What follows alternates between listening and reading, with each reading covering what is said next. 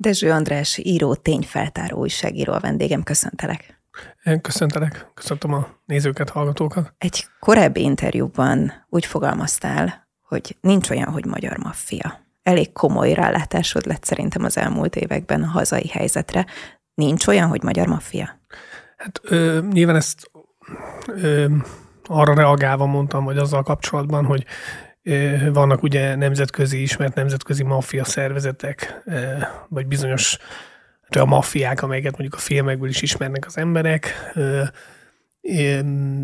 Olyan értelemben magyar maffiáról én nem beszélnék, igen. Tehát szervezet, szervezet bűnözés van, természetesen, szervezett bűnözők is vannak, bűnözők is vannak, de így maffia szervezet Magyarországon, vagy maffia szervezetek nincsenek. Hajlamosak vagyunk ilyen romantikusan látni ezt a világot egyébként, ilyen filmszerűen? Szerintem igen, hajlamosak vagyunk. Hozzáteszem, hogy nyilván volt olyan időszak a magyar történelemben, itt gondolok elsősorban a 90-es évekre, amikor valóban léteztek olyan brigádok, csoportok, szervezetek, vagy voltak itt Magyarországon olyan külföldi szervezetek, amelyek valóban maffia szervezetek voltak, vagy ilyen maffia-szerűen működtek, tehát ide, ideig óráig ez, ez, ez volt. Természetesen van Magyarországon is jelen van, vagy néha felüti a fejét mondjuk olasz maffia, tehát most nem úgy értem, hogy itt van, itt van a bázisa, de nyilvánvaló vannak olyan bűnözők, akik komoly mafiózók, és valamiért mondjuk Magyarországon tevékenykednek egy rövid ideig, aztán elmennek innen, de, vagy valamiért itt vannak. Volt ugye egy brazil drogbáró is, aki, akit itt fogtak el Budapesten. Tehát ilyenek vannak, de, de, de valóban az, ami a magyar szervezetbűnözésre jellemző, az, az, az nem, nem az, amit a filmekből így látnánk. A legutóbbi könyvedben Porték Tamással és körével foglalkoztál, és szerintem róla is az a képzetünk, hogy, hogy ő is egy ilyen alak lehet, sőt, nagyon sok tévhit van vele kapcsolatban is, hogy szoktad ezt kiavítani, hogy hát úgy gondolunk rá, hogy ő a nagy olajmafiózó. Ő miért volt számodra érdekes? Mi derül ki a könyvből? Hát a könyvből nagyon sok minden kiderül. Nyilván nem akarok spoilerezni, igen. azért akarok úgy kérdezni, hogy amit elmondasz, abból majd csak megészünk. Igen, az biztos, hogy Portik Tamásra én azt szoktam mondani, hogy meghatározó figurája a magyar szervezetbűnözésnek. Az biztos, hogy ő törekedett arra egy időben, hogy kiépüljön valamire, valamiféle maffia szervezet, aminek ő egy, egyfajta vezetője lehet és az is igaz, hogy nagyon sok életellenes, ezt így fogalmazzák, tehát a ugye gyilkosság, vagy gyilkossági kísérlet fűződik a nevéhez, akár úgy, hogy emiatt elítélték, akár úgy, hogy összefüggésbe hozták vele. Főleg a 90-es évekről van szó, illetve szinte csak. Ami, ami ugye az egyik legnagyobb tévhit vele kapcsolatban, vagy hát a sajtó úgy olajmafiózónak nevezi, ez nyilván amiatt van, mert az egyik nagy olajos cég, a 90-es években működő olajos cég, az Energolnak volt ő az egyik vezetője, az Energol valóban olajjal foglalkozott. Az olajozásban most nem mennék bele, az lényeg, hogy illegális olajkereskedelem, erről van szó, de Portik Tamás nem az olajkereskedelemmel foglalkozott, hanem az Energolnak úgymond a védőhálóját fogta össze a védelmi vonalát. És és nyilván kapott pénzt az olajból ő is, de messze nem annyit, mint mondjuk a társai, akik valóban ugye magával a kereskedéssel foglalkoztak. E, e, ebből fakad, hogy ilyen olajmafiózónak titulálják, de tény, hogy, hogy ő azért érdekes, mert ő volt az az ember szerintem, aki megpróbált azt a befolyását és hatalmát és erejét, amit az alvilágban megszerzett, felső körök felé vinni, ott hasznosítani, tehát a gazdasági, politikai tér felé próbált, vagy elit felé próbált menni. Mennyire volt meghatározó figura ő, vagy inkább szerencsés, vagy a köre, akikkel egyébként összefogott így ámblok ez a csapat volt az, aki ilyeneket el tudott végezni? A helyzet az, hogy Portik Tamás sok, sok ért, vagy több értelemben volt, úgymond, vagy sok tekintetben volt szerencsés. Szerencsés volt abban, hogy egyáltalán megismerkedett még a 80-as években egy olyan emberrel, Drobilics Gáborral, aki később az Energolnak a vezetője lett, és bevette Portikot ebbe a, a buliba. Szerencsés volt azért, mert Drobilics Gáborékhoz csatlakozott, mint egy olyan szolgáltató probléma megoldóként egy szlovák férfi, akit úgy hívtak, hogy József Rohács és az ő szlovákiai emberei, és ezáltal, hogy Rohács ott volt mellettük, Rohács és az ő emberei, ezáltal az Energol valóban nagyon erős és befolyásos lett. Hát elsősorban amiatt, mert nagyon sokan meghaltak, akik mondjuk problémát jelentettek erre a csoportra nézve. Úgyhogy Portik Tamás azért nőhetett ilyen nagyra, vagy azért nőhette ki magát, mert volt egy ilyen szolgáltató a környezetében, vagy ő körülötte, tehát Rohács. Ha nem lett volna Rohács, akkor valószínűleg nem erősödik ennyire, meg ilyen értelemben ez a, ez a mondjuk így ez a cég. Téged miért izgatott ez a téma? Miért akartad ezt összefoglalni? Hát igazából ez a, ez a téma, ahogy szerintem mindenkit, aki a 90-es éveket, 90-es évekkel foglalkozott, vagy abban az időszakban élt, én ért, éltem akkor, tehát nyomon követtem a híreket, úgy, úgy érdekelték, hogy miért voltak ezek a gyilkosságok, robbantások, ami, amelyek az akkori időszakot jellemezték. Másfelől Portik Tamás a 2000-es években már úgymond egy idézőjelben egy tiszta vállalkozóként volt feltüntetve, tehát amikor Portik neve szóba került a 2000-es években, mondjuk rendőrökkel, vagy akár bűnözőkkel beszélgetve, akkor hát a legtöbb reakció az volt, hogy hú, hát ő, nagyon komoly ember, ő nagyon sok minden, minden csinálhatott a 90-es években, de lám megúszta, hogy nagyon sokan a, a 2000-es években úgy érezhették, hogy a 90-es években elkövetett és megoldatlan gyilkosságoknak, emberülési kísérleteknek a felelőseit soha nem fogja elkapni a rendőrség, és ezért volt körülöttük egy ilyen egy ilyen kis mítosz, hogy, hogy hát ők ilyen érinthetetlenek, és nyilván ezek e körül volt ott Portik Tamás is, hogy na ő, ő is az egyik ilyen ember, aki e, akit hát nem sikerült elfogni, aztán 2012 nyarán mégiscsak elfogták, és azóta ugye rács mögött van. Engem ez érdekelt, hogy ez az egész folyamat, hogy és nyilván nem csak ő, hanem, hanem azért is az alcíme a könyvnek, hogy a köre, tehát hogy ez az egész társaság, ez honnan jött és hova tartott, és mi lett az ő kis drámájuk, meg hát másoknak a drámája, aki, akik velük találkoztak.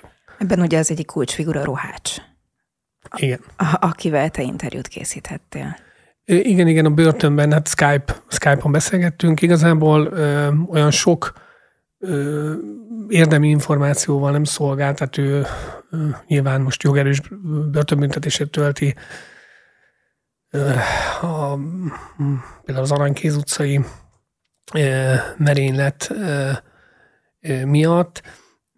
Nyilván ez egy ilyen speciális helyzet, mert ugye nagyon sok emberrel beszéltem a könyvírásakor, és beszéltem olyanokkal is, akik őt, ment Rohácsot elég jól ismerték ebben az időszakban, mondjuk így munkakapcsolatban voltak vele, és hát azért volt fontos vele beszélni, hogy, hogy bizonyos információkat leellenőrizzek az, azok közül, amiket így megtudtam róla, de ugye nem könnyű úgy beszélni valakivel, hogy bizonyos bűncselekmény miatt elítélték, e, nyilván arról e, tudom kérdezni, van olyan bűncselekmény, amit magára vállal, de nem ítélték el, ilyen például Prisztás József meggyilkolása, ugye ő azt állítja, hogy ő, ő ölte meg Prisztás Józsefet, e, és hát nyilván vannak olyan bűncselekmények, amiben pedig felmentették, vagy bűncselekményben felmentették, és hát vannak dolgok, amikről meg nyilván itt tudomást szereztem, és akkor igazából úgy beszélgettem vele, hogy a munkájáról, az akkori munkájáról. Teljesen szürreális lehet egy ilyen interjú. És így azért könnyebb volt, tehát ahogy az ő munkája milyen volt, volt-e olyan, hogy hívták egy munkára, és éppen az Audival jött Szlovákiából, és annyira sietett, hogy árokba borult vele, és akkor mondta, hogy volt ilyen, és hát nyilván én, én, én tudtam, hogy milyen munka volt az, uh-huh. amikor így például ide hívták, hogy jöjjön gyorsan, de nem mondtam ki így az interjúban, hiszen eh, nem állíthatok vele kapcsolatban olyat, ami, ami miatt ugye nem ítélték, vagy nem is vonták felelősségre. De ö, érdekes volt egyébként egy teljesen ö, ö, normális ö, beszélgetés volt, könyvet ír jelenleg, vagy próbálkozik vele. A könyvírással nem könnyű neki, mert kézzel kell írnia, mondta, hogy most jött rá, hogy milyen nehéz könyvet írni, illetve dicsérte Hont Andrást például, hogy mennyire tetszik neki a, Mont Andrásnak, nem tudom, a dolgai, tehát ilyenek. De olyan sok konkrét információt nem mondott, mert hogy majd a könyvében leírja, tehát azért itt olyan nagy csodákat nem vár az ember egy ilyen beszélgetés során. Milyen forma ő? Vagy amikor így, így megszólal, tehát mi, milyennek tűnik? És akkor itt visszahozom ezt az illúziót, ami szerintem bennünk van, hogy így a nagy bűnözők illúziója, hogy akkor kigyúrt, megjelenik valahol, és akkor mindenki arra figyel, ilyen keresztapaszerű jelenetek zajlanak bennünk. Nyilván a bűnözőknél nem mindegy, hogy ki, ki miben jó. Tehát mondjuk, ha van egy, egy ember, aki nagyon jó szélhámos, akkor neki jó, jó kell, hogy megjelenjen, jónak kell lenni a fellépésének, megnyerőnek, stb. Tehát mondjuk egy szélhámos olyan. Ha valaki mm, egy ilyen erőszakosabb figura, akinek tekintét kell, hogy tehát az a fontos, hogy tekintélye legyen, akkor nyilván azért a fellépése mellett félelmet nem ismerő, kisugárzása kell, hogy legyen a környezetében, vagy akár azok körében, akiket frissen megismert, tehát hogy ú, hát igen, ő, ő vele nem érdemes packázni. És hát vannak azok a típusú emberek, mint mondjuk Rohács is, aki így végrehajtó, és nem szokta bejelenteni a áldozatainak, vagy annak idején nem jelentette be, hogy na most akkor fél. Tehát nem az a cél, hogy megfélemlítsen valakit, uh-huh. hanem hogy megöljön és az ilyen típusú embereknél nem számít az, hogy hogy néz ki, sőt, talán fontosabb, hogy egy ilyen szürke kisegérnek tűnjön, és teljesen elvegyülhessen a tömegben, mint hogy feltűnősködjön. Tehát ő azért is tudott hatékony lenni Rohács, mert, mert egy jelentéktelennek tűnő figura, tényleg egy ilyen szürke ember, és egy olyan típusú embert képzeljünk el, aki amikor mondjuk beszélgetett a kapcsolattartójával, mondjuk a portik, akit megbízott azzal, vagy a portikék, hogy beszéljen a roháccsal, akkor gond, gond nélkül a parlament egyik, parlament mellett egy kávézóban beszélgettek úgy, hogy nyilván senkinek nem tűnt fel, se a pincérnek, se a betérő vendégeknek, hogy most milyen úgy, üzleti találkozó, milyen, milyen találkozóról, igen. vagy milyen beszélgetés zajlik. Tehát ezért mondom, hogy a bűnöző, attól függ, hogy mit bűnözöl. Tényleg, hogyha mondjuk bérgyilkos vagy, és tényleg nem megfenyegetni akarod a, a célpontot, hanem likvidálni, akkor hát nem jó, hogyha mondjuk nem tudom én narancsárga sapkában, és vagy nem tudom, tehát ilyen feltűnő festett haja, vagy kigyúrtan bevész valóba, és ott feltűnősködsz. Szóval ennyi, hogy, hogy igazából ezek ilyen normális emberek. Én azt szoktam mondani, hogy a bűnözők ugyanúgy, ugyanolyanok, mint mi. Tehát amikor én beszélgetek mondjuk ilyen figurákkal, most nem feltétlenül a rohásra gondolok mm. bárki másra, akkor akkor ezek ugyanolyan emberek szerintem, mint, mint mi. Nyilván a, a, vannak különbségek, amit én észrevettem az ilyen komolyabb fajsúlyos embereknél, hogy a stressztűrő képességük az, az magasabb talán, kevésbé aggódnak olyan dolgokon, amit mondjuk egy hétköznapi ember esetleg aggódik, vagy ugye hát nincs lelkismert fordulásuk feltétlen dolgok miatt, de de attól függetlenül ugyanúgy kerülnek szorult helyzetbe, és azért, mert mondjuk a stressztűrő képességük magasabb, az nem jelenti azt, hogy minden, minden helyzetben szorongásmentesen élik a mindennapjaikat. Nem véletlen, hogy nagyon sokan közülük mondjuk drogfüggők lesznek, mert mondjuk a bűncselekményeket drog vagy, vagy mit tudom én, alkohol hatására könnyebb, könnyebb elkövetni. Igen, vagy elvégezni. Tehát ugyanúgy emberek, mint, mint mi vagyunk én nem, nem látok tehát nem úgy volt a filmekben, hogy, hogy nagyon éles különbségek lennének. Van egy másik szerintem, akkor ezek szerint tévhit lehet, hogyha valaki mondjuk gyilkos, akkor azt gondolná az ember, hogy na azt akkor onnantól kezdve a tekintetében ő hordozza, és akkor ilyen sötét tekintete lesz innentől kezdve. De akkor ez is egy ilyen teljesen fals dolog. Azért te nem vagyok se pszichológus, sem ilyen... Nem, nem csak tudom, a benyomásaidra vagyok kíváncsi, a, igazából nem kell igen Inkább azt mondanám, hogy, hogy a bűnözők egymás között azért felmérik, fel tudják mérni, hogy ki mennyire veszélyes, tehát nem az alapján feltétlenül, hogy kinek mekkora akarja. Lehet, hogy nyilván van, van olyan közeg, ahol ez számít, de egyszer beszélgettem valakivel, aki egy ilyen komolyabb figura volt, hogy ő például honnan tudja ezt kiszűrni, hogy ki veszélyes, vagy ki nem, uh-huh. és ő, ő a tekintetről beszél, tehát hogy bizony, tehát azért a tekintetre, lehet, hogy van valami. Igen, hogy, hogy az alapján ki tudja szűrni, vagy az alapján szűri ki, vagy próbálja meg.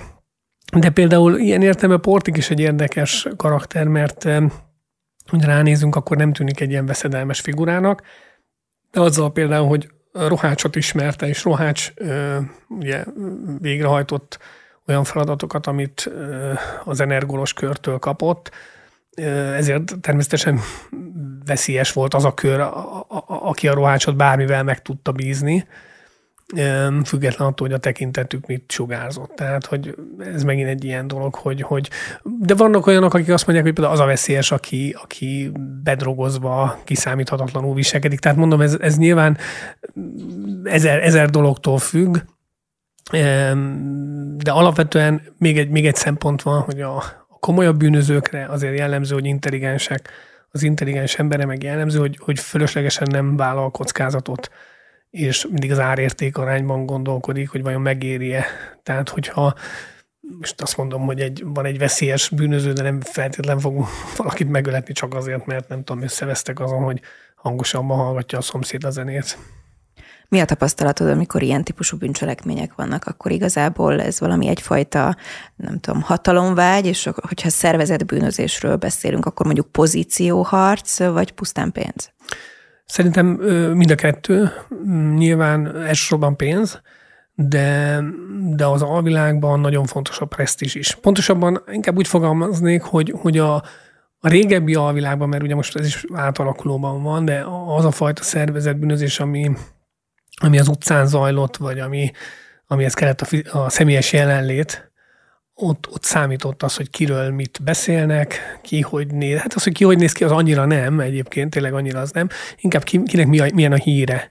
És ö, ö, ugyanis itt a tőke az nem csak a, az anyagi tőke, hanem ez a, ez a, hát mondjuk így a marketing, vagy a, vagy a igen, a hírnév, hírhetség is pénzre váltható, tehát nagyon sokszor például, hogyha valakinek problémája volt, akkor azért fizetett valakinek, mert annak nagyon jó volt a híre, és úgy gondolt, hogy majd az illető megoldja. Tehát itt, itt konkrétan fizető, ez, tehát pénzre váltható az, hogyha valakinek neve van. De nyilván nevet pedig csak úgy lehet szerezni, hogyha valaki bevállalós, vagy hát letett valamit az asztalra. Tehát régen azért fizikailag meg kellett mutatni, hogy mit tud az ember. Ma az alvilág azért nagyon sok tekintetben már más, vagy így mondom, hogy a szervezetbűnözésnek a, a pénzszerző, pénzszerzési lehetőségei megváltoztak. Nagyon sok minden a cybertérben uh-huh. zajlik, és például most már Például az lehet, hogy sokkal fontosabb, hogy mondjuk kinek van olyan kapcsolati hálója, ahol mondjuk nagyon jól pénzt tudnak mosni. Tehát most már nem biztos, hogy kinek mekkora akarja, hanem mondjuk ki ismer olyan embereket, akiknek nem tudom, van rengeteg kamucége, amin keresztül pénzt lehet mosni, vagy tud bankszámlákat nyitni, és akkor nem tudom, több tízmillió forintot, ami mondjuk internetes csalásokból uh-huh, származik, uh-huh. azt, azt tisztára tudja mosni úgy, hogy csak azok bukjanak le a végén, akik ugye a pénzt felveszik. Ez most egy példa, tehát, hogy, hogy nyilván most már nem úgy működik, hogy bemegy valaki egy, egy presszóba, vagy étterembe, vagy diszkóba, és akkor védelmi pénzt kér. Tehát megváltozott a, a, az a hogy mi, mi fontosabb ahhoz, hogy pénzhez jusson az ember. Szerencsénkre ez olyan, mint hogyha, nem tudom, szelidült volna egy kicsit így az hát, alvilág? Hát a részben biztos, hogy szelidült, mert eh, azért is szelidült, mert eh, ugye a, ami ránk nézve, vagy, vagy akár a bűnözőkre nézve veszélyes, hogyha fizikai erőszakot követnek el ellene, az pedig általában ugye mondjuk, hogy a közterületen elkövetik, most már nagyon sok helyen kamerák vannak, nagyon sok ember nyomon követhető, mert mondjuk nála van a telefonja. Tehát most egy embert eltüntetni, megölni, bántani úgy, hogy ne lehessen visszakövetni, hogy ki, kivel találkozott utoljára, kivel beszélt, kikkel beszélt. Most már ez, ez Nehezebb Ez nagyon, sokkal nehezebb, sokkal nehezebb. Tehát, tehát ha megnézzük az elmúlt években, hogy általában hogy oldódnak meg ügyek, eh, vagy egyáltalán amikor már elkövetik, akkor mit tud a rendőrség, óriási különbség van a mostani helyzet, meg mondjuk a 90-es évek között. Mondok egy példát, Dér Csaba, a bérdiékos, eh, Csantavéri bérdiékos néven ismert, aki Szerbiában is, meg Hollandiában is elkövetett bérdiékosságot, hát a biztonsági kamera rögzítette Hollandiában is, ami történt, meg, meg Szerbiában is. Tehát szinte amikor már elkövette, már tudták, hogy ki az elkövető. Ö, egyszerűen ezek megváltoztak ezek a dolgok, tehát sokkal nehezebb ilyen, ilyen dolgokat végrehajtani. Ö, az, hogy szelidült, nyilván ilyen értelemben kénytelen volt szelidülni, de nem lett veszélytelenebb, csak máshova helyeződtek a hangsúlyok. Tehát, hogyha most visszatérek megint az internetes csalásokra, hogy az viszont ugyanúgy elszaporodott, mint mondjuk a 90-es években az autófeltörések, autólopások, most, most meg nagyon sokszor bedőlnek emberek internetes csalásoknak. Tehát ugye azért a szervezetbűnözés, vagy, vagy úgy általában a bűnözők ö, mindig megtalálják a módját annak, hogy pénzt szerezzenek, csak ugye alkalmazkodnak az új viszonyokhoz. Egy másik könyvedben a kokain útját kísérted végig, vagy próbáltad ezt felfejteni. Ott egy teljesen más típusú bűnözői körről beszélünk? Hát bizonyos értelemben igen, bár nyilván vannak átfedések, de igen, ez arra gondolok, hogy itt próbáltam már ilyen kvázi kategóriákat mondani, hogy akkor kinek körülbelül milyennek kell lenni, vagy azért valamilyen szintű profilt csak lehet adni a bűnözőkről annak kapcsán, hogy éppen mondjuk mivel foglalkoznak. A kábítószer az egy, az egy tök más, vagy ahogy mondod, vannak átfedések, vagy igazából ugyanazok az érdekek vezetik? Hát ugye a kábítószer kereskedelemnél az a helyzet, hogy aki elad kábítószert, az ugye nem, most én hangzik, nem árt valaki, nem az van, hogy meg akar valakit ölni, vagy megtámadni, vagy megfenyegetni, hanem, hanem üzletet akar, egy üzleti vállalkozást uh-huh. üzemeltetni, hogy beszerez kábítószert, azt el akarja adni, és abban érdekelt, hogy minél problémamentesen menjen az üzlet, tehát se a rendőrség, se mondjuk konkurens csoport ne akadályozza ezt a tevékenységét. Tehát alapvetően ez egy békés művelet tulajdonképpen, egészen addig, amíg, amíg mondjuk nem történik valami baj, mert mondjuk valaki át akarja verni, és porcukrot ad el, és ki is akarja rabolni, megölni, stb. Tehát ez egy konkrét példa volt, hogy a Pondier Csaba egyik áldozata akart kokaint vásárolni, akit meséltem, ez a bérdékos, annak az egyik áldozata, úgy, tudja, úgy tudta, hogy szerbekkel üzletel, majd Dél Csabával üzletelt valójában, aki megölte és kirabolta.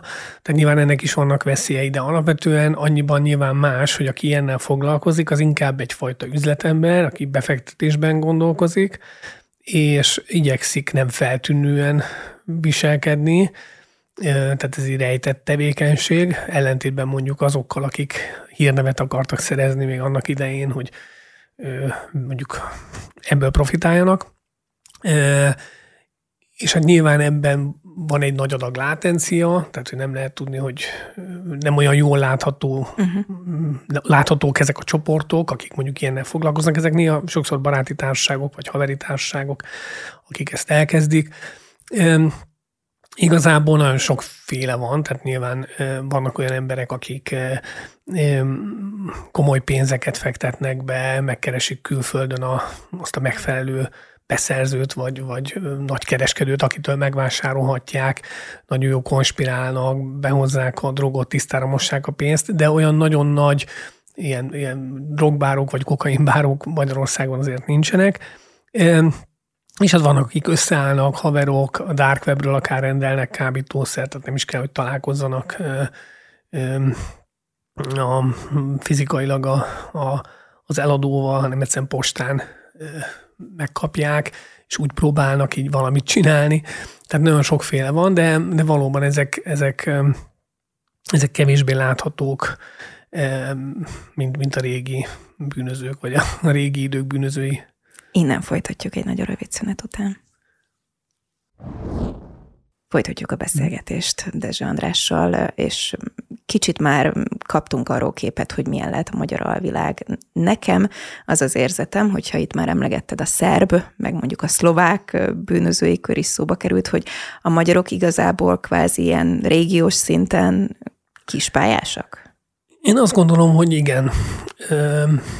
Tehát Érdemes egy kicsit régebről indulni. A magyarországi szervezett nagyjából a 70-es években kezdett kialakulni, 70-es évek végén, amikor Magyarország ugye még egy zárt gazdasági rendszerű ország volt, nem volt piacgazdaság, de mégis nagyon sok mindent meg tudtak vásárolni az emberek a fekete piacon. És a fekete piacra úgy került ez az áru, hogy csempészek behozták Magyarországra, vagy a külkeresek kimentek külföldre, behozták, szóval ment a, a bingizés. A lényeg az, hogy nagyon sok olyan ember, aki egyébként nem bűnöző, de a piacgazdaság híve volt, az igenis beszerezte ezt a, ezeket a termékeket, árukat, és elkezdte árusítani. Tehát megtalálta a csatornákat, de mivel illegális tevékenységet kellett végeznie, ezért akarva akaratlanul is ö, találkozott a bűnözők halmazával, vagy azzal a halmazzal, az ő kis halmazatát. A, most tényleg, hogy konkrétabb példát mondjak, tehát ha valaki ö, a kommunizmusban, mert akkor még kommunizmus volt, vagy szocializmus vállalkozni akart, akkor bizony hát át kellett vágni az államot is, csempésznie kellett, nem tudom, trükköznie kellett, okoskodnia kellett, vagy okosságokat csinálni. És amit megkeresett pénzt, azt pedig el kellett rejtenie, vagy rejtve, rejtve kellett maradni az állam előtt, állam szemei előtt. És nyilván nem mondhatta, hogy már pedig ő mennyi pénzt keres, hiszen hivatalosan igazoltan nem annyi volt a keresete.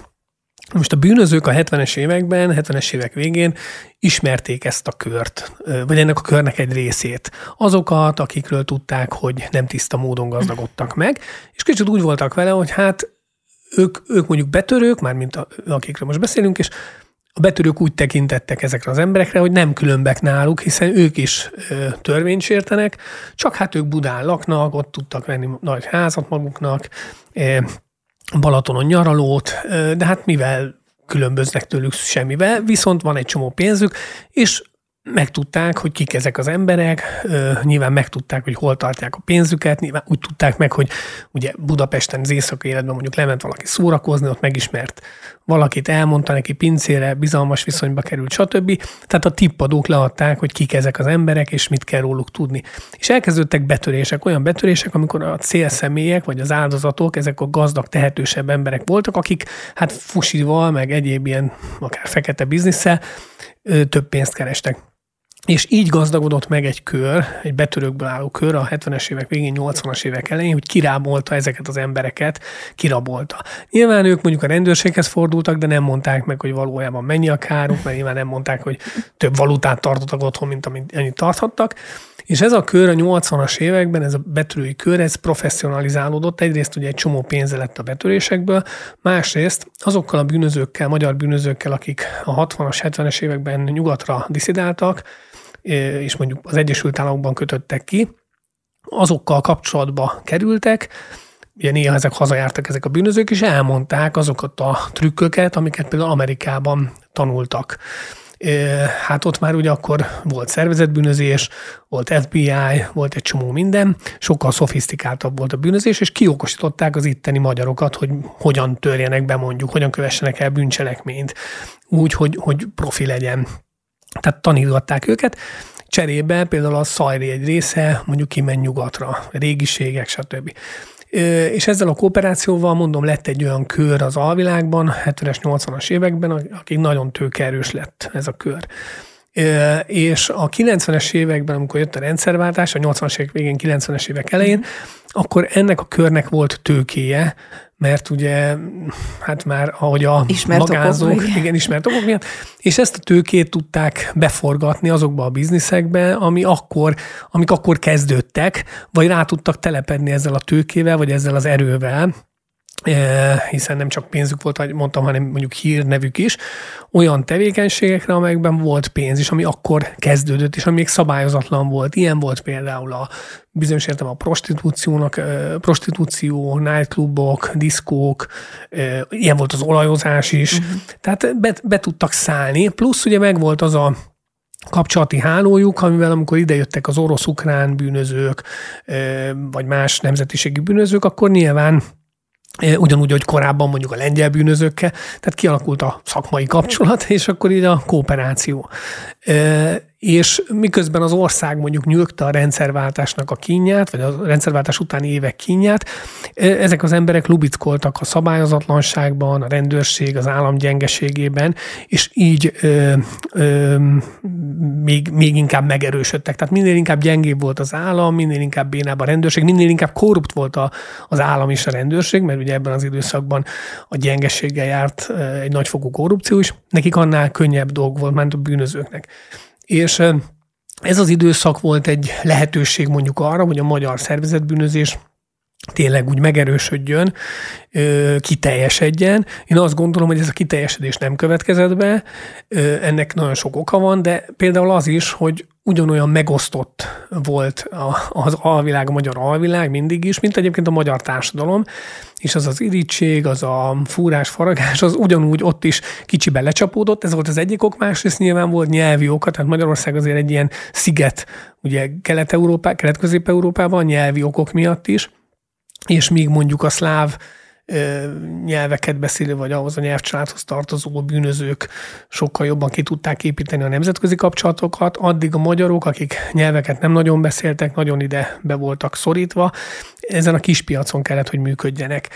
Nincs ugye tengerünk, tehát nem tudunk úgy beszállni mondjuk a kábítószerkereskedelemben, míg mondjuk Nyugat-Európában azok az országok, ahol tenger van, vagy akár Dél-Európában tehát nem, sok, nem sokat tudunk hozzátenni úgymond a nemzetközi bűnözéshez, egy tranzitország vagyunk, azért van egy pár tranzitország, tehát ez nem egy nagy szám, és emiatt nem tudtunk kinőni. Részben ugye a megosztottság miatt, részben a, a hát ha nincsenek olyan adottságaink, tehát most azért itt nem, nem tudunk mit felmutatni nagyon.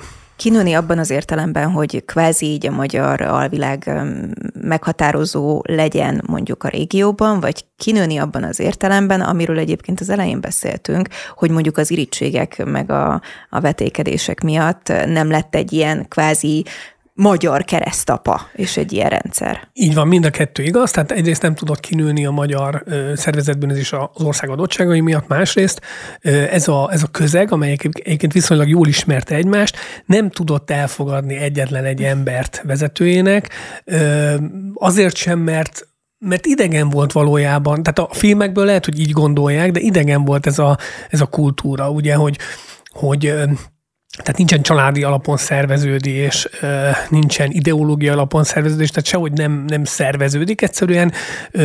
Haverok vannak, akik összeállnak, vagy társágok, és akkor brigádok, ráadásul az is volt a probléma, hogy mondjuk volt több vezető, vagy magát vezetőnek nevező ember, akihez csapódtak mondjuk sportolók, vagy piti bűnözők, vagy bárki, de mondjuk maradjunk ezeknél a verő embereknél, vagy ilyen katonáknál, mondjuk nevezzük ki alvilági katonáknál, és sokszor ez a katonák tehát mondjuk a vezetők utálták egymást, irigyek voltak egymásra, gyűlölték egymást, de a nekik dolgozó katonák meg ismerték egymást, és ö, jóban voltak, és beszélgettek. Tehát nagy háborúkra se lehetett nagyon számítani. Persze voltak összetűzések, de de azért kicsi volt ez az ország ahhoz, túl sok volt, a, aki vezető akart lenni, vagy aki ilyen önjelölt vezető, vagy akár komolyabb vezető, és és túl kicsi volt az ország ahhoz, hogy, hogy külön hadseregek épültek volna ki, hiszen, hiszen tényleg mindenki mindenkit ismert, és ez sem tette lehetővé. Hát ez egy nagyon, nagyon, tehát ilyen okai vannak, de igen, alapvetően ez a megosztottság, ez mindig jellemző volt.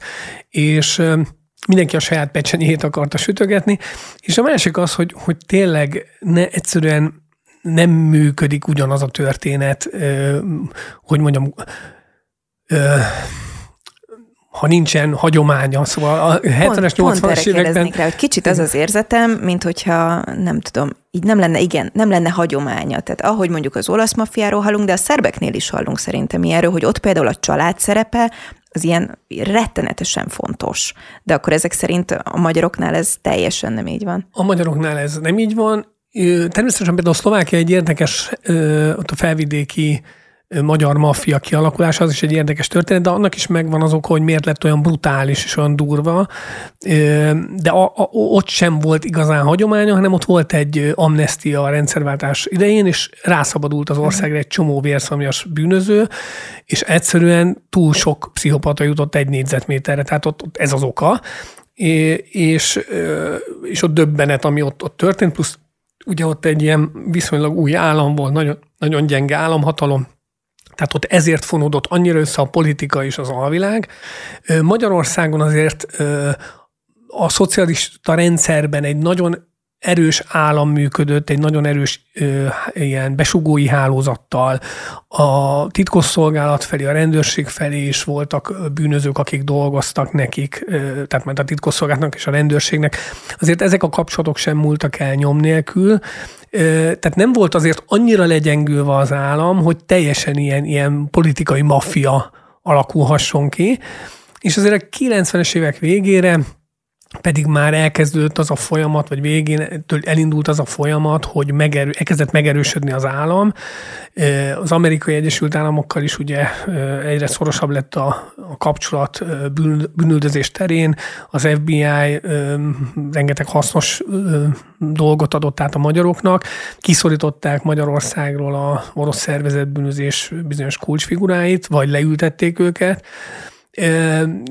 és aztán a 2000-es évektől ez, ez még inkább megerősödött ez a folyamat, jöttek olyan jogintézmények, mint a tanúvédelmi program, vagy olyan nem is jogintézmény, ilyen technikai intézmény, mint a tanúvédelmi program, vagy akár a védett tanúintézménye, stb. Tehát, hogy elindultak azok a, a folyamatok, amelyek hát aztán idővel ahhoz vezettek, hogy, hogy már a bűnözőknek jobban megérte a, a rendőrséggel együttműködni valamilyen formában, azért, hogy a saját kis pecsenyeiket tudják sütögetni, mint, mint a 90-es években, amikor még a rendőrséggel együttműködni egy életveszélyes dolog volt, és amikor még inkább a rendőrök voltak korruptak, vagy a rendőröknek érte meg jobban bűnözőkkel együttműködni. Most mi van? Tehát, hogyha ezek a nagy nevek vagy figurák itthon kvázi rács mögött vannak, vagy meghaltak, vagy mondjuk ugye vélhetően sokan vannak, akik élnek boldogan valamilyen másik országban vagy szigeten, akkor most például itthon mit látsz? Hát igazából nagyon sok minden megváltozott. 2010 előtt már elindult ez a folyamat, de ez idővel felgyorsult, hogy azok a klasszikus szervezetbűnözői csoportok, még ilyen brigádok, akiknek egy-egy ilyen nagyobb vezetőik voltak, uh-huh. akiknek volt neve, gondolok itt a Fekete Seregre, amit Magyar Robert vezetett, vagy nem klasszikusan szervezetbűnözői kör, de a diszkókat hát összefogó, vagy diszkókat birtokló Vizovicki László, aki így az éjszakai életben volt meghatározó figura, és teljesen én úgy mondom, hogy hogy soft módszerekkel, ugye rendőrségi kapcsolatok segítségével lehetetlenítette el a konkurenciáját, miközben egyébként a helyén nagyiparban ment a drogkereskedelem. Tehát ezek, ezek a csoportok, ezek, vagy, vagy szervezetek, vagy, vagy, vagy figurák, ezek valóban eltűntek. Ez egy tudatos döntés volt szerintem a rendőrség részéről, meg nyilván a politika részéről, hogy ezeket eltakarítsa az útból. A jelenleg ugyanakkor azt lehet látni, hogy hogy van egy olyan jelenség, amiben nagyon nehezen birkózik meg a rendőrség, ez a kiberbűnözés, tehát ismét ide visszakanyarodtam, részben amiatt, mert ez globális, tehát itt már az van, hogy például az internetes csalásoknál az elkövetők gyakran nem is Magyarországon vannak, viszont mondjuk csak a végrehajtói szinteken tudnak lekapcsolni embereket. Ugye itt már nem erőszakról beszélünk, hanem főleg ugye csalásokról, bár vannak ilyen zsaruló vírusok, vagy uh-huh. zsaroló módszerek, de ezek nem ugyanazok, mint ahogy régen zsarolgatták az embereket. És egyfelől megszűntek ezek a brigádok, nyilván az erőszaknak, hogy mondtam, vannak olyan okai, hogy miért, miért nem ilyen látványos, tényleg ez egyszerűen megváltozott a kor, sokkal nehezebb valakit bántani, vagy megölni, vagy eltüntetni, mint régen. Ugyanakkor mondom, hogy a technikai fejlődéssel azért most, most az látszik, hogy megint egy picikét szerintem helyzeti előnybe kerültek a, a bűnözők, de már nem feltétlenül a magyar bűnözők. Tehát az a baj, hogy most már a globális bűnözés nek vagyunk kitéve, de tényleg ilyen napi szinten. Tehát ha megnézzünk egy vidéki rendőrkapitányságot, ott is nagyon sokszor olyan problémákkal szembesülnek, hogy valakinek lenyúlták a bankszámláját, mert véletlenül bedölt egy, egy csalásnak és, és bottal ütik a nyomát, tehát hogy régen meg mondjuk nem tudom, ellopták a bicikliét, vagy a motorkerékpárját, vagy mit az autóját, tehát ez volt a, a, az ügy. Most meg már ilyen virtuális térben történik igazából a bűnözés, mert azért ne felejtsük, általában a, a bűncselekmények nagy része az a pénzről szól. Tehát nem arról, nem azért, a maffia sem azt akar, hogy mindenki dögöljön meg, már bocsánat, vagy, vagy mindenki halljon meg, hanem, hanem mindig a pénzszerzés, és, és, és én ezt látom, hogy, hogy e felé megy el, a, a bűnözés, és ez egy ilyen rohadt nehéz helyzetet teremt. Nem csak a magyar rendőrség szív ezzel egyébként, hanem, hanem világszinten mindenki. De ugyanakkor például mondjuk a kábítószer bűnözés nem sikerült felszámolni még. Így van, így van. Tehát azért nyilván, csak ugye, ahogy mondtam, a kábítószer, tehát itt, itt igazából a 90-es években az volt a, azért volt látványos a szervezetbűnözés, mert összevesztek a pénzen, és ment a, a ki az erősebb típusú versengés.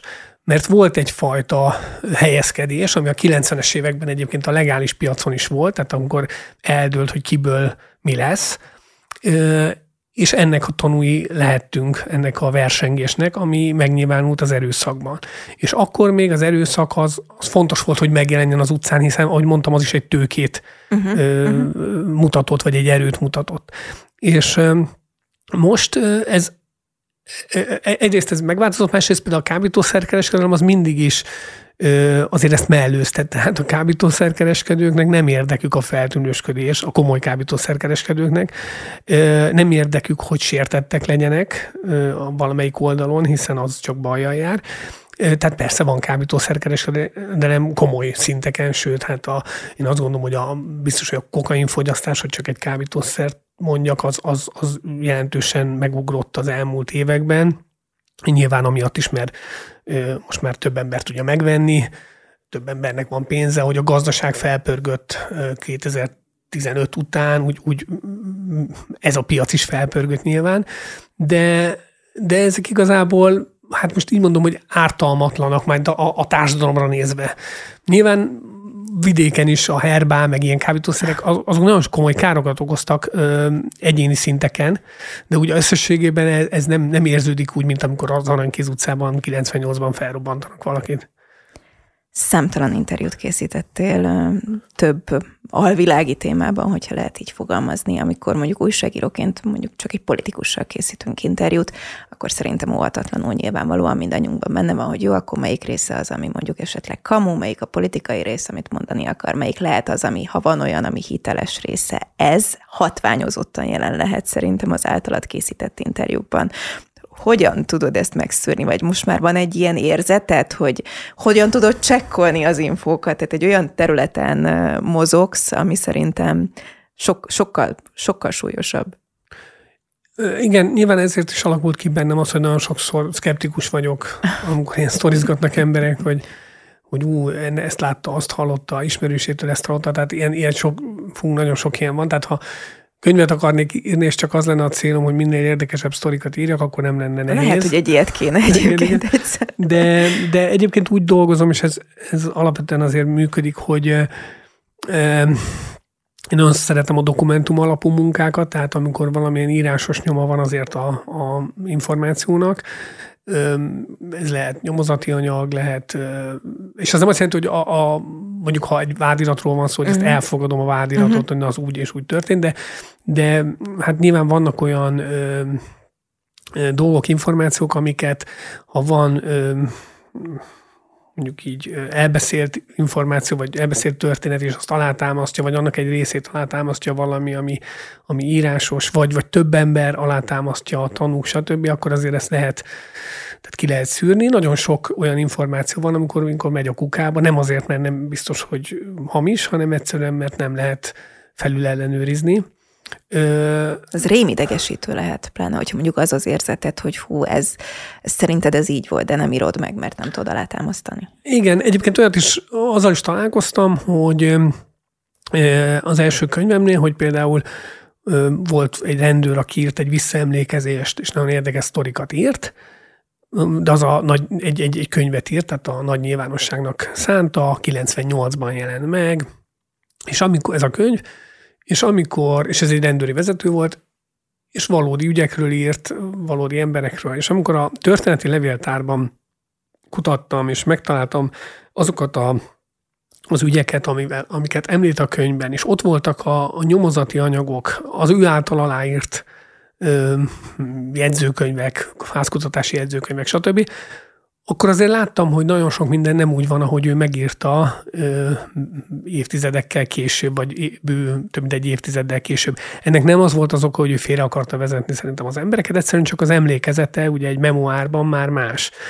De lényeges információ. Tehát ő is egy kicsit úgymond színesítette a történetet a rendőr a memoárjában.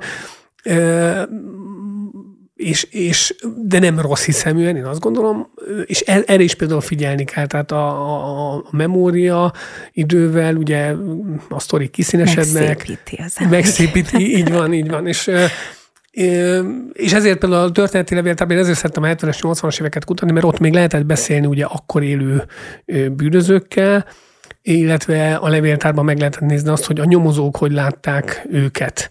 És ez például egy nagyon jó módszer arra, hogy azért így valamennyire kiegyensúlyozzuk a, az emlékezetet, vagy az emlékezetnek a hiányosságait pótoljuk. Úgyhogy ez, e, e, nagyjából ez a módszer. Volt akár név nélkül, volt olyan meghatározó interjú egyébként, aki vagy a személyisége miatt, vagy azért, mert olyat mondott, vagy azért, mert nem tudom, első volt ebből a körből, akire, akire úgy emlékszel, hogy fú, hogy volt olyan pillanat, ami, ami odavágott. Hát inkább olyan volt, emlékszem, amikor a magyar kólát uh, írtam, ugye az a kokainkereskedelemről szóló könyv, akkor uh, volt egy olyan, hogy uh, felkutattam valakit, aki, aki egy eljárás alatt volt drogügy miatt, és annak idején, az volt az eljárás lényeg, ő, ő, Dél-Amerikában ilyen kartelektől szerezte a kokaint, és egy magyar drognagykereskedőnek mondjuk így közvetítette, majd aztán alkut kötött, tehát így, így elég jó rálátása volt a dél-amerikai piacra, és hogy hogy működik ott a kokainbeszerzés, és akkor én igazából azt mondtam, hogy nem is az ügy, ami folyamatban, ne a folyamatban lévő ügyéről beszéljünk, hanem úgy általánosságban ott hogy működik, uh-huh. a, tehát egy magyar ember ott hogy tud, egyáltalán hogy, hogy zajlik ez az egész. És akkor ez, erről szólt az interjú. És ott, ott nem egyedül volt ez az ember, hanem ott volt az élettársa is, tehát egy nőről szó, és egy, ott volt az élettársa. És így beszélgettünk, ugye ment a diktafon, és akkor valahogy annyira elmerült a témába, vagy elmerültek, hogy hogy szóba került más bűncselekmény is, és akkor gyorsan kikapcsoltam a, a diktafont, hogy, hogy ugye nekem fontos, hogy a bizalom meglegyen, tehát én nem akarok olyanról beszélni, amit, ami tehát ilyen volt. Most, hogy ez mennyire volt komoly az a, mert hogy, hogy most az igaz volt, vagy úgy volt, vagy nem, azt nem tudom, de például ilyenek, ilyenekre figyelek, és ez úgy, úgy, úgy érdekes volt, hogy, hogy úristen, még mi lehet itt, mennyi minden, de hát mondjuk engem csak a kokain kereskedelem érdekel, és az, azon belül is most csak azért akarom ezt az interjút elkészíteni, hogy megismerjem a, a dél-amerikai e, piacnak a jellegzetességeit egy magyar szemével, e, és akkor ilyenkor például figyelek erre, hogy, ne, hogy még véletlenül se legyen az, hogy ő mond valamit, és miattam kerül bajba, vagy amiatt, mert ott van a diktafonon. Akkor lehet, hogy neked is már hírneved van ugye köztük, hogy a végtelenül korrekt. Sosem féltél? Nem, nem egyszer sem, utána sem, hogy mondjuk olyat tudtál meg, amit nem kellett volna? Nem, de hát amiatt, mert, mert azért ez nem Mexikó. Mm, nyilván, tehát én nem vagyok egy bátor ember, vagy nem tartom, vagy nem vagyok egy mm. átlagnál ilyen bátrabb. Nyilván voltak kellemetlenebb szituációk, amikor valaki neheztelt. Az ijesztő volt? Hát lehet annak mondani, hogy ijesztő, igen, vagy, vagy, vagy aggodalomra adott okot, de, Neheztelt ezeket... azért, mert kiszedtél belőle olyat, nem, amit? Vagy? Nem, mondjuk megjelent, egy, megjelent a könyvem, és, és, és te, nem tetszett neki, hogy mondjuk benne van, benne Aha. szerepel, és, és akkor... De tulajdonképpen meghallgattam a, a panaszát, meg emberi módon lehetett vele kommunikálni, tehát ezeket azért le lehet, vagy ezeket kezelni lehet. Nyilván, ha, ha érzik az emberek, hogy, vagy az érintettek, hogy nem rossz szándékkal írom, hanem egy történetet írok, amiben ők benne vannak, és akkor is benne lesznek, hogyha tőlem függetlenül benne lesznek. De ha értik, ha megértik, vagy érzik, hogy ez nem azért van, hogy bárkit is lejárassak, akkor azért működnek a működik a párbeszéd, akkor így mondom. Tehát ilyenek vannak, de azt gondolom, hogy ez, ez általában az újságírásra jellemző, tehát egy újságíró ugye akarva akaratlanul is ö, megbánthat a munkájával embereket, ö, legyen az akár egy tök minden kicsoda. Mondjuk más, hogyha egy politikus bántok meg, mint hogyha egy alvilági szereplőt szerintem. Igen, Nagyon röviden, igen, most mind dolgozol. Dolgozol valami, András? Most így könyvön még nem. nem, még nem még De nem. már van olyan gondolatod, hogy valami izgat? Hát vannak, igen, inkább ilyenkor abban a fázisban vagyok, hogy, hogy hogy figyelek, igen, hogy mi, mik azok a témák, a, a, vagy mi az a téma, ami esetleg megérne egy könyvet, igen. Tehát úgy dolgozgatom, de konkrétan még könyvön nem kezdtem el. Akkor az eddigieket ajánljuk mindenki figyelmében. Nagyon köszönöm, hogy elfogadtad a meghívásunkat. Köszönöm a meghívást.